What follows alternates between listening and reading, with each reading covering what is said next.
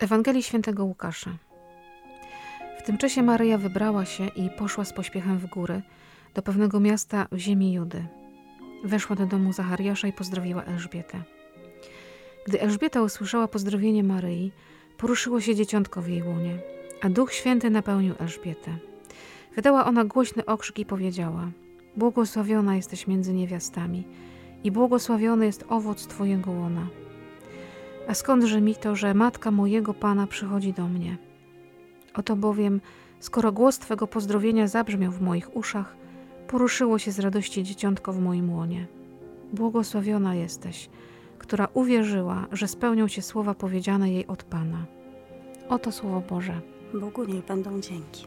21 grudnia, w ostatni piątek przed Bożym Narodzeniem i witam Was dzisiaj e, razem z Agnieszką, która to zaproszenie dzisiaj przyjęła. Porozmawiamy chyba o rozmawianiu, bo Ewangelia jest o pięknym spotkaniu dwóch kobiet, które noszą w sobie niesamowitą tajemnicę. I powiem Ci, Agnieszko, tak sobie pomyślałam, że każde spotkanie dwóch kobiet jest takim spotkaniem, w którym kobiety noszą jakąś tajemnicę. Najróżniejsze są te nasze tajemnice, ale są tajemnice kobiecych serc i my dzisiaj też się chyba tak spotykamy. Spotykamy się po bardzo długim czasie, więc to chyba faktycznie ta Ewangelia jest dla nas.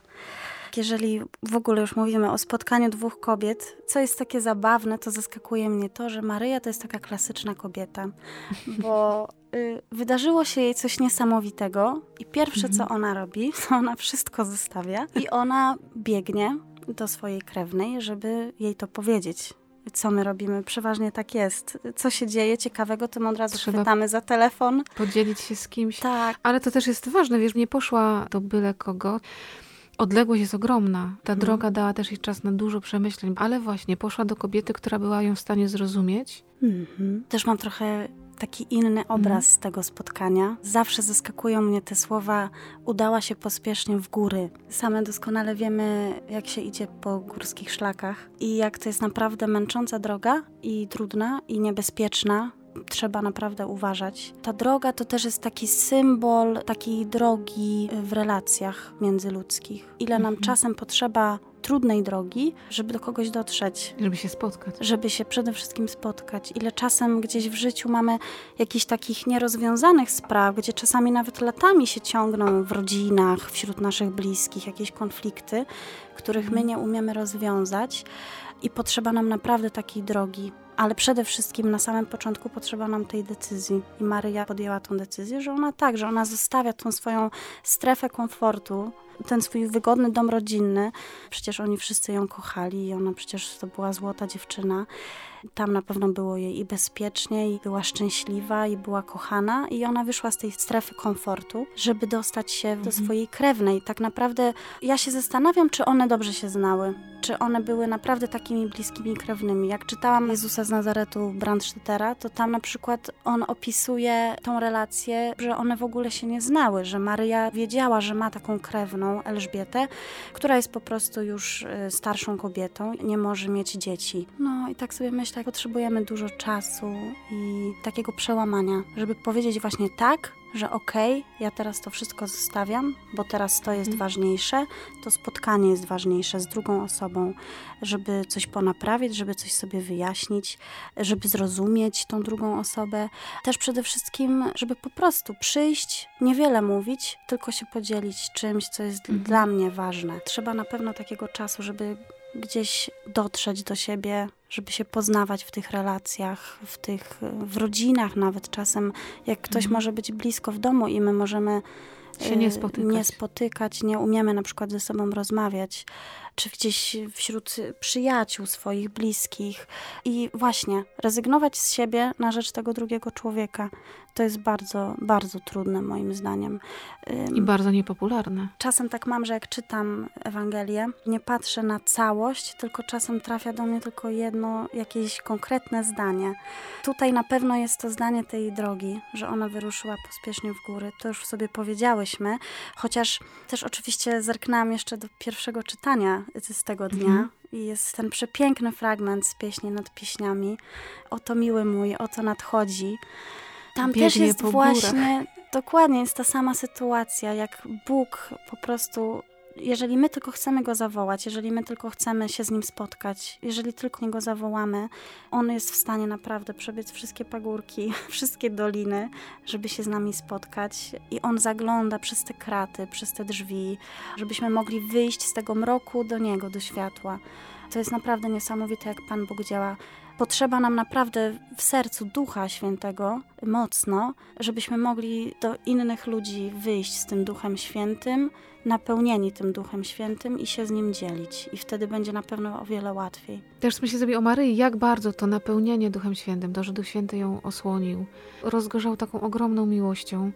Poszła zanieść tę nowinę do kogoś tak daleko. Bardzo mnie też ujęła postawa Elżbiety i szczególnie to jej pytanie, a skądże mi to, że matka mojego Pana przychodzi do mnie?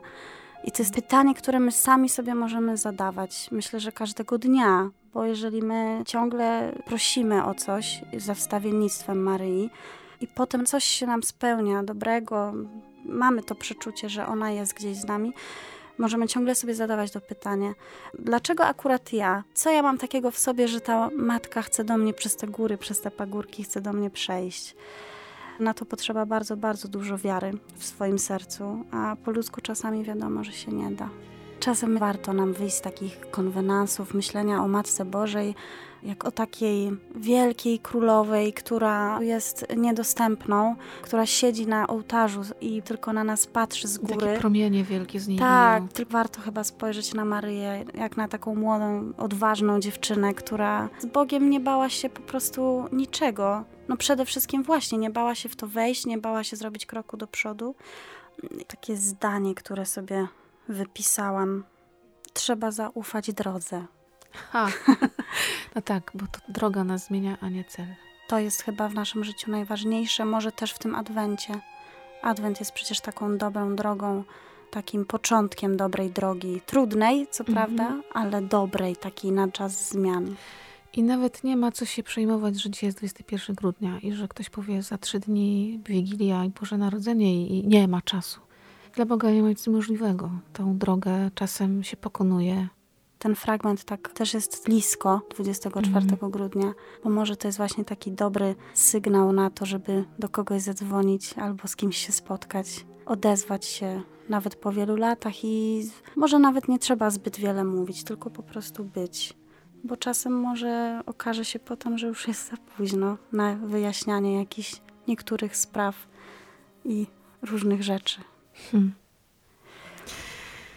No Oczywiście mam wiersz. Stwierdziłam, że tak, by tradycji stało się zadość. Ciężko było znaleźć coś dobrego, ale bardzo mi się spodobał, ponieważ w roli głównej występuje święta Agnieszka. No i oczywiście mój ksiądz Jan Twardowski. Zaufałem drodze wąskiej, takiej na łeb na szyję, z dziurami po kolana, takiej nie w porę jak w listopadzie spóźnione buraki. I wyszedłem na łąkę, stała święta Agnieszka. Nareszcie powiedziała. Martwiłam się już, że poszedłeś inaczej, prościej, po asfalcie, autostradą do nieba, z nagrodą od ministra i że cię diabli wzięli. Nie idźmy dzisiaj na skróty. W ogóle nie chodźmy na skróty. Trzeba iść w góry. Trzeba iść w górę, wysoko. Dzięki, Aga. Dziękuję również. Z Bogiem. Dobrego dnia.